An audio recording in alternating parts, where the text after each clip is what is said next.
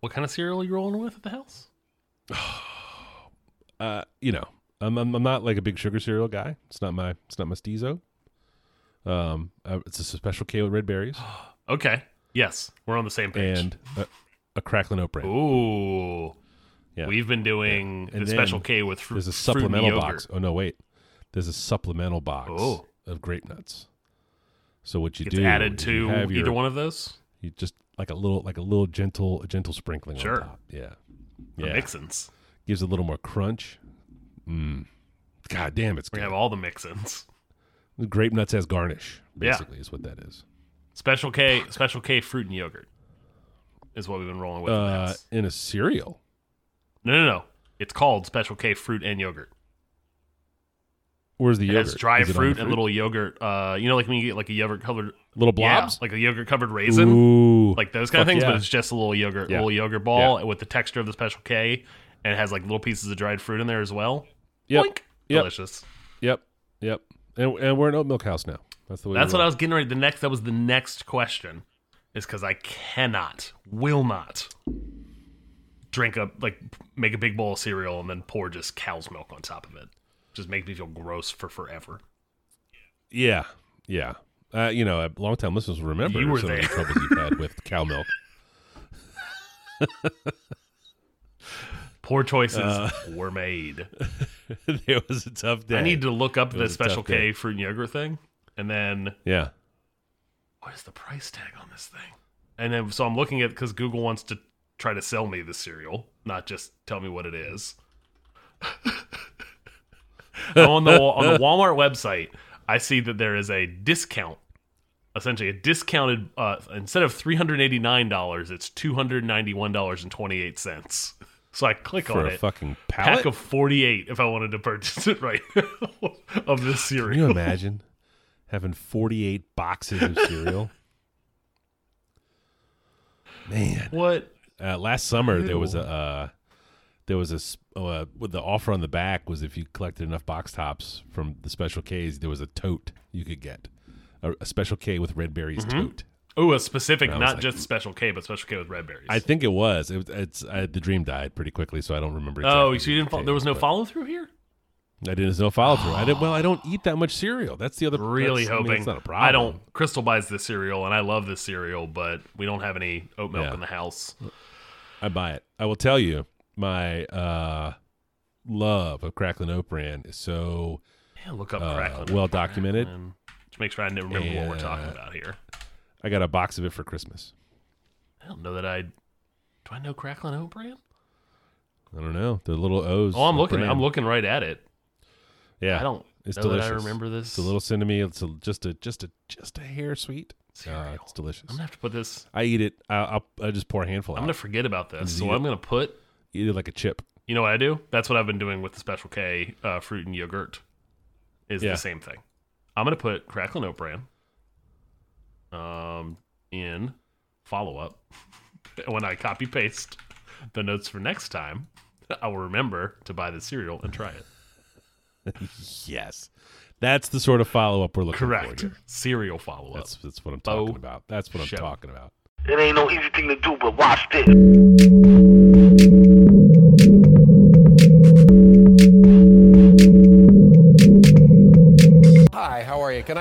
Can I help you with something? How you doing, man?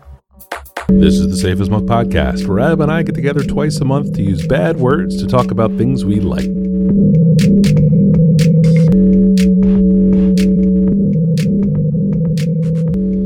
This, which of course brings me to uh, the the age old question: Hey, Adam, are you having something to drink? I am having something to drink, Mike. I am partaking of dry January, at least for now. You're not partaking. I'm partaking of dry January, not partaking Mm. of delicious sweet liquor. Delicious Yes. Yeah. So tonight I'm having a ginger beer, lemon, and bitters. Which uh, bitters have a little bit of alcohol in them, but that's not the point of all this. So you broke your edge already? Uh, from day one, I've been putting bitters in all of these faux faux cocktails I've been making. Putting bitters in my cereal, my coffee. I got bitters everywhere. yeah. So what Just you what you want to get? What you're gonna want to do, Mike, is get two ounces of bitters, a little splash of lemon.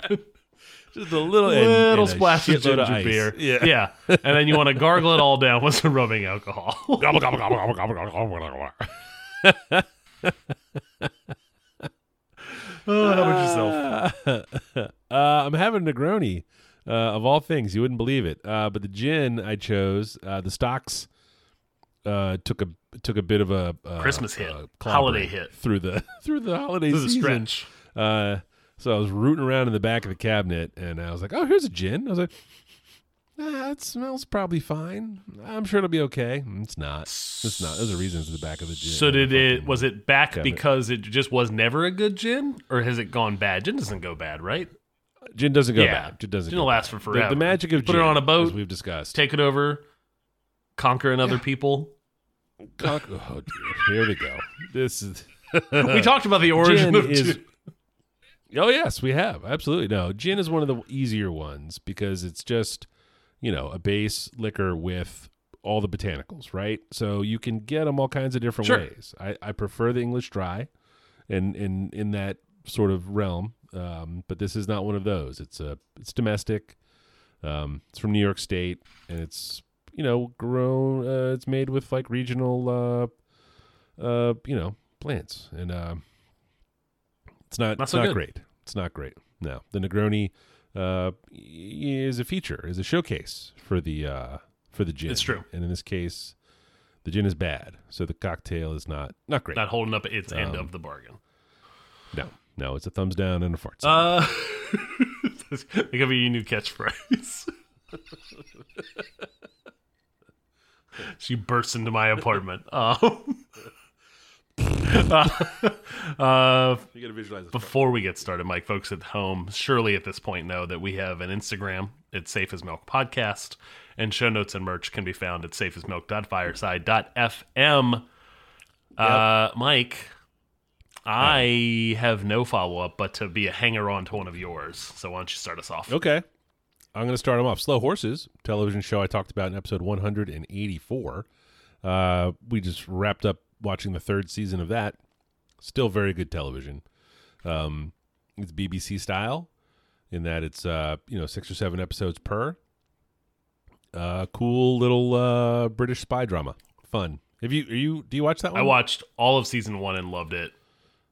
Second season uh, was bitten by a lesson we have we have learned and unlearned many times, which is don't watch shows with our teenager because he's never around. And then so we're like, well, we can't Oh, watch because we watched all of the first season with him and half of the second Yeah. season, and then we just lost the thread and off into the ether Yep. it went. And now I just Yeah. dropped Apple. You've so canceled the channel. Can't come in. Yeah. Hmm. Can't can't watch it. Can't watch it. Yeah. It's okay. It'll be, it'll still be there. You know, I don't still a think they're- great, still a great show. It. Enjoyed every episode that Yeah. I that I watched. Yep, yep. And by all accounts, the books uh, that the television show is based on are terrific, um, but I haven't gotten there yet. I will, I will, but not yet. Uh, the Gilded Age is a, an HBO Max television show. Its second season just finished up. Uh, I talked about that first in episode 181. Um, you know, uh, one of the things we, that we have talked about this show, uh, both in the podcast and in real life, and um, you know, one of the many things we enjoy about it is how low the stakes are. Um, you know, the slow horses often deals with, uh, you know, someone trying to nuke major metropolitan areas, and the Gilded Age is about uh, someone wearing the wrong ball gown or sitting in the wrong box at the opera. You know, it's a it's a bit of a gear shift, and it's well done and well acted, and there were some fun twists uh, here in the second season that I rather enjoyed. That a Do you do you watch I- this one? This show is not for me at all. Uh, Is this a Max show? I believe it is a. I mean, when you say it like that, I'm, I'm obliged to agree because it's. I just question marking. Yes, I don't know. Max show. Yes, it's on HBO. Oh yeah, okay. Yes. No, this is I, I know this. while simultaneously being. TV. I know this show is a a a a, uh, a, a thematic cousin to to Downton Abbey. Is that fair?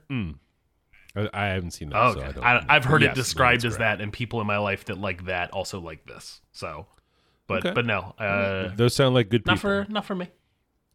Okay. Um, and finally, what had happened was is a podcast that Open Mike Eagle uh, hosts um, that talked about all the way back in episode 143. Just finished its fourth season.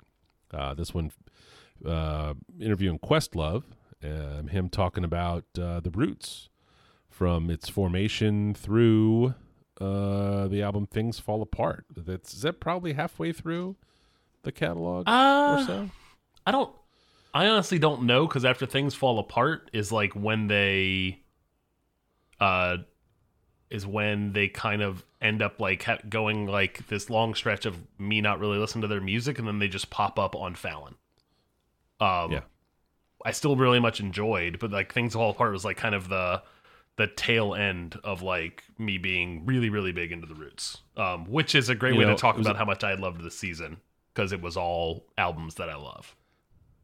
it's funny the um, band is not one I ever got into. Like live instrumentation hip hop was uh, from the jump not not for me. So it was not uh, like fun stories. Like I love Questlove. Talked about him a lot. I like a lot of the work he does. He was great in the pandemic. All the the you know quarantine DJ stuff he did. Uh, his podcast is terrific. Um, I have enjoyed a lot of the work he has produced over the years, from D'Angelo to Jill Scott to uh, what's the other gal's name? Doesn't matter. But you know, like, um, but but like the thing that he did from the beginning, which was being this in the band, the Roots, was was just never never really clicked for me. Um, but I know it was a big thing for you. Um, so there was probably another level of enjoyment you got from the podcast. Very much in the same way it was that more like a memory memory lane. very much in the same way that I enjoyed season two, which was LP, because I had listened to all almost everything he was discussing in that. It it, it hit it hit it hit a little harder uh, for me on on that, and probably the first season as well. The the third season was maybe some of the weakest stuff because it was I didn't know a lot of the music or it was stuff I didn't care for. Um, but it, all all of this this podcast is good. That we we can leave it right there. Uh, well, except for the fact. uh, Oh, the- yeah. the ads That's are, are just That's a nitpicky thing, but it's a pretty big. It's annoying. Yeah. yeah. I mean, you gotta get paid. I absolutely understand. Have no beef with that. But all of the weird uh, sort of format choices and all of the preamble talking. It's probably one of the ver- the apex. worst versions of that that I that it, it, it I, well, sorry I, I won't say probably it is the worst version of how much crap I have to skip through to actually get to the podcast that I want. 12 and a half minutes. Yeah. In the, in the. Correct. 12 and a half And they go they go pretty pretty decent stretches between seasons. So whenever you had sent me that message, I had also noted the same thing. The how long it took to get in the actual episode. And I was like, Mm-hmm. are they just like dipping real low in the barrel because they know the ad money won't be coming in for a while? like Yeah. It has to be that, right? They know everyone's going to listen that at the end. I love it, and I am so excited every week when the episodes come Yeah. out. It's a it's a great great show, um, but that is a Nick I, a nit I feel absolutely obligated to. Yeah, and I say, and I say to Open Mike Eagle, get get that money. I don't, hundred I won't listen to Absolutely. the ads, but give that money. Please get paid. Yeah. please get paid. You know, good for him. I, I what a what a great idea and what a great uh, job he does at asking the questions. Because you know you can tell he's a fan of the people he's talking to. Very much so. Um, Yeah. and he and he knows the catalogs and he and he loves it like we love it. So, um, yeah, what a what a great podcast. What a great podcast. Um, uh, like you had said, um, you, there is you don't have any follow up, so I'm gonna I'm gonna stop and then I'm gonna let you go first. Get it. Uh, so, uh, my first pick is a Netflix show from 2018, The Haunting of Hill House. Um, this is another in the series of Mike Flanagan's Netflix. Mike, Mike Mike Flanagan's written, produced, created, um, kind of supernatural, creepy, eerie TV shows. Uh, the first one that we've talked about, this will be the third one that we've talked about on here now. Fall of the House of Usher, you talked about in episode 219. I talked about Midnight Mass in 221. And here we are at 224 talking about uh, uh, The Haunting of Hill House. Um, this is another one in the same theme that I just talked about earlier. We started this with our teen, and it took more than a month to watch it, watch this show. Um, but when we finally finished watching it, um, this is probably the, so far the best one of these that I have watched. Um, it is far more spooky and scary, like legit, like big scares um, over the course of the 10 episodes, um, but tells the most kind of tight cool, creative, well done story with really cool characters. Uh, the kind of quick summary is haunted house purchased by a family in the early 90s to renovate and flip. And then just super duper duper duper messed up crap happens to the family. They end up running away they end up running away from it. And then story picks back up with the five siblings uh, in adulthood dealing with that.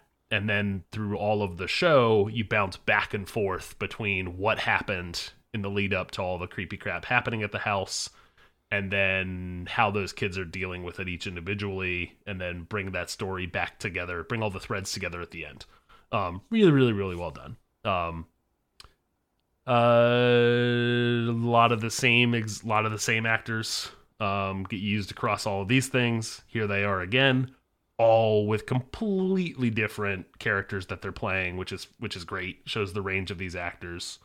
Um and there's two other of these series uh, left left to watch on the on, on Netflix at least. The Haunting of Bly of Bly Manor, and then uh, the Midnight Club, um, which we'll probably put somewhere in our backlog of, of shows to watch for later this year. Uh, you enjoyed the Fall of House of Usher. I recommended did. to you Midnight Madness after watching that, and I think you watched it. Mm-mm, just mass, not Midnight Madness. You, got, you Oh. got something on the brain. How many how many bitters have you had today? Damn. There's mid it's midnight mass and there's midnight club and I don't know why madness keeps popping. Up. But you ended up watching that? no. Oh, okay. Don't watch this one. It's on the Do not watch this yeah. one. Yeah. No, I'm not watching that one. Hell this no. one had 3 to 4 like really solid like big scares like people jumping off the couch in the room and like shouting at like 11 o'clock at night on a Tuesday. That's really good. And I like And also, fuck. I no. am not a huge horror scary movie person, not because they scare me, but because in a two hour block, I know that that is the intent. I can suspend disbelief or forget that this thing is is going to scare me at some point because I'm watching 10 episodes of a show spaced out over time. So you'll go a whole entire episode with maybe like some creepy stuff happening, but no scares. And then like halfway into the next episode, mind is totally drifted away from the idea that this show would scare me and boom does it get me and it's great. Um no. Love love love this show. Highly recommend this show to anybody who's watched any of the other ones and doesn't mind a scare. And that is uh the the haunting of hill house. Madness Uh, this gin is so bad. I'm gonna have to stop drinking this cocktail. This is a real letdown. how do you occasionally when i talk to younger people at work because that's mostly when i talk to the utes Yes. And in the past, I've described drain pouring a bad beer, of like I Oh, could yeah. not, I had to just pour it out. Couldn't. It was just not not Yep. for me. Yep. Shock occasionally from a handful of folks that I would pour out Really? uh, alcohol that wasn't like spoiled or something. Just like I didn't like the taste Yeah. of it. Um, yeah. I assume you're you'll you'll pour a drink out, right?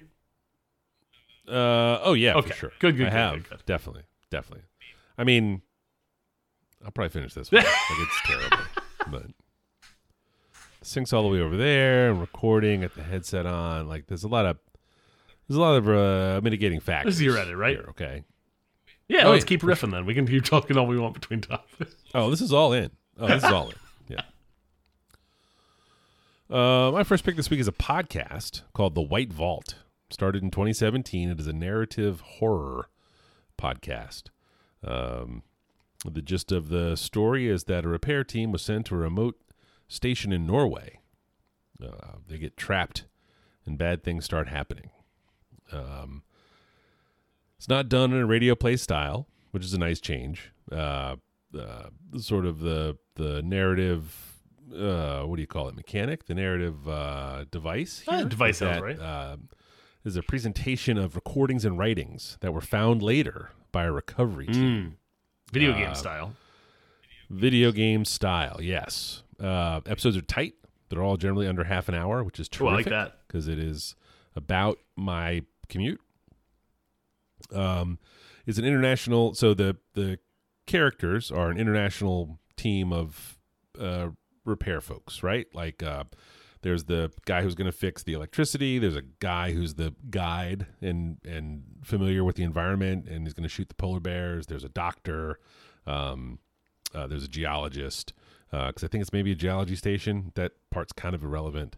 Um, and then there's uh, the guy from the company that owns it, right? Um, so they're all uh, there's a German, a Russian, uh, an Englishman, uh, someone from Norway, uh, and someone from is she from Spain? Maybe it doesn't matter.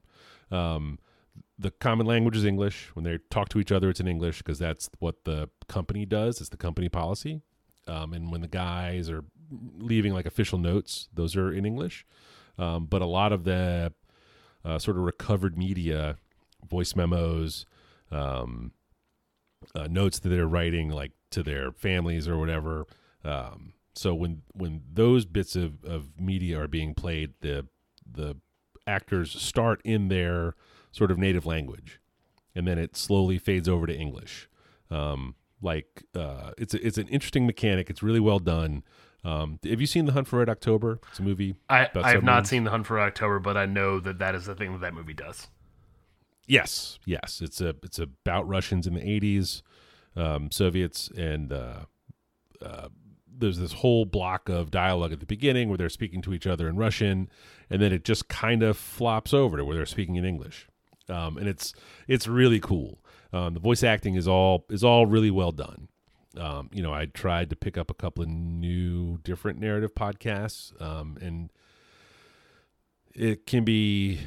Uh, they they always start a little rocky, you know, because it's especially if it's a new a new property. Um, but sometimes they're just not for me. It's it's it's no different Um, than than picking up a book and then hoping that it's gonna stick for you. Like, yeah, yes, exactly, exactly. Um, uh, but but the the format, like the the layout, like not done in a radio play style. Like there are sound effects and stuff because they're, um, you know, recordings of things that were happening. In correct. If it makes sense for the whatever, but- recording as opposed to a, a piece of writing. Who's who's narrating the writing? Is it the person that wrote the thing? so there is a uh, the the person that put together the recovery team uh, is sort of the uh, overarching narrator who put the whole thing together, um, and it's uh, uh, not a character in the story at all. So Oh, okay. it's a it's a it's a pretty like remote third party saying you know uh, the next piece of the next piece we have is recovered from you know a piece of paper that was found balled up in the trash can Oh, okay, from interesting. you know yeah um uh i've listened to two seasons of it um uh, it's it's cool I, I thought they were single season stories um so when things didn't kind of wrap up or really come to a head uh at the end of the first season kind of threw me off a little bit but uh uh season two followed through pretty good um you know like like anything there's some lulls um there's a, a couple of the storytelling mechanics get a little repetitive, uh, but not to where I was like, "Fuck this! I can't hear that person say that one more time," kind of Yeah. thing. Um, season two ends on an interesting cliffhanger. Uh, the story, uh, I think, goes a little further. Uh, I want to say there are four. The fourth season of the White Vault just finished in December of 2023, and uh, the production company, uh, which is called Fool and Scholar, um, sort of uh, expanded into some other into some new narrative stories um, in 2022. Um, and uh, you know, I'm I'm inclined to keep going. Honestly, okay. they're, they're Yeah. Tight enough. I, I put a couple of things on hold, so because I kind of got into it, you know. Um, uh, but yeah, yeah. Once I once I catch up on the, uh, you know, I don't listen to that many podcasts, but once I catch up on the ones I'm listening to, I'll probably hop back over. Uh, I got a buddy at work who I put onto it who has more time to listen to podcasts, so he's ahead of me now. Obviously, an unacceptable situation, so I got to catch up. Um, but have you heard of this at all? Never. No. I mean, there's there's uh, uh, modern podcasts are like chock a block with narrative podcast. So a good recommendation goes a long way. So now I'm interested in this, but I hadn't heard of it because I don't generally seek Yeah. out the the narrative stuff. Uh, largely because they every time I listen to one, I'm like, I could just be listening to an audiobook right now because I don't read books Yes. with my eyes like a caveman. Yeah. Um, yeah. Yeah. Me like iBooks. no, listening to audiobooks and podcast and music all the time, like always having something on in my life generally Yeah. is an audio thing. Um, yeah. narrative podcasts haven't usually fit because of the audiobook thing. Like there's plenty of audiobooks Yes. in my backlog that I'm going to podcast for other stuff generally. The only the only thing I listened to this far was uh the Magic Tavern. Yeah. Uh hello hello from the Magic Tavern. Greetings Hello from Magic Tavern. It's great. Yes. Yeah. I don't Yes. listen, I'm not a regular listener, but I dip I dip my toes back Same. in once in a while. Oh, do you really? Oh Still? yeah. Oh, that's once in a blue moon. If I'm Oh, if. I'm in a little podcast rut, I'll go dig up Yeah. podcasts I haven't listened to for a while. And then especially one like that where the guest changes all the time, I'll pick a handful that Yeah. like, oh, I really like this guest. Let me go listen to theirs. Yeah. Yeah. Uh, but the White Vault uh, is a podcast, and my first pick this week. Uh, my second pick this week is Dropout. Dropout is a streaming network, independent streaming network, uh, that is very narrow casted in its content. Um, it is improv game shows with a bunch of comedians, and then D and D like actual play, like tabletop, like tabletop RPG role playing, like people playing essentially a game of D and D. I love I like both of those things. Very much like Taskmaster energy and um uh Adventure Zone or uh uh World Beyond Numbers that I talked about very recently in terms of like actual play D&D or, or tabletop stuff. This is a a TV network though, a a streaming television or show network. Um and I was dabbling with it on its YouTube offerings because there are shorts and free episodes of all kinds of different stuff out there for this thing over the summer and really enjoying it and kind of like consumed all of that. And then this fall, I paid for an annual subscription on some discount they had running. Um, so I have it for the year and I've been watching a ton of it and loving it. Um, the three shows I watched the most on this thing uh, a show called Game Changer, which is an improv game show where three contestants and a host. Um, the host knows what the rules are going to be every game, and then the the, the guests never do. Um, they come on, and they part of it is interpreting what the rules of the game are, um, and then essentially mastering the rules of the game most of the time, and then uh, hilarity ensues along the way. Uh, Make Some Noise is a spin off of Game Changer. I think it was like the second or third episode of Game Changer it was a the the idea was that a prompt just went up on the a text prompt just went up on the board and the contestants had to figure out what to do. Turns out they were supposed to um like police academy style uh just like try to do the foley work noises of that of that thing on the board. Um that has since Yeah, turned funny. into more of that as the show makes some noise. And then also just straight up improv prompts that happen within like you have five to maybe 15 seconds to like do the prompt you've been given. Um and that's just great as well. Uh and then dimension 20 is a whole entire uh, uh series with all of these different shows that happen within dimension 20 and it's all tabletop role-playing games. It's mostly d&d and i've been watching slash listening to that even though everything's a video. Um i will put on i will on i have the app on my phone i will put on a new episode of one that i'm listening to. I'm listening to fantasy high right now um which is uh a play on high fantasy but obviously it's uh uh, uh fantasy high school. Weed based. nope. Oh. could have been.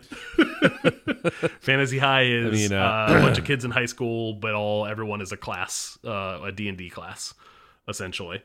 Um, and then adventure ensues uh, and uh, uh, really well done it's a bunch of uh, a bunch of the same improv and actory folks that all appear on these other these other two shows um, show up in these d&d things so they're all good at playing d&d and essentially improving on the fly and doing voices and stuff so uh, the whole entire network is the pick. Dropout. Um, the origins of this thing very quickly is. you- Did you ever watch any College Humor? Familiar with College Humor? It was Yes. a big, big, big part of like early, early internet, like early two thousands internet, I should say, not early internet. Um, I mean, I, I want to say Will Ferrell was uh, one of the people that, if, if not bankrolled it, certainly. I think was a- later was on he he got it. involved in it. I think. I I don't think he was there from the beginning. I'm confusing it with Funny or Die. are My mistake. yes, Yep. but but it was like uh, a website that was like very early, like eh, kind of crudy guy humor, and then turned into sketch videos like in like the mid two thousands to late two thousands, and then I totally lost track of it, uh, and then jumped to like twenty twenty. And apparently, the company that owned College Humor had spun off and created Dropout, a streaming thing. Not not long before that, and they ended up selling it to one of the guys who was like a producer, actor, host, and president of one of the divisions. Um, and he bought the thing and turned the whole thing independent, um, and just owns it. And now does all of this stuff. It's just a purely streaming thing that's been rebranded as Dropout.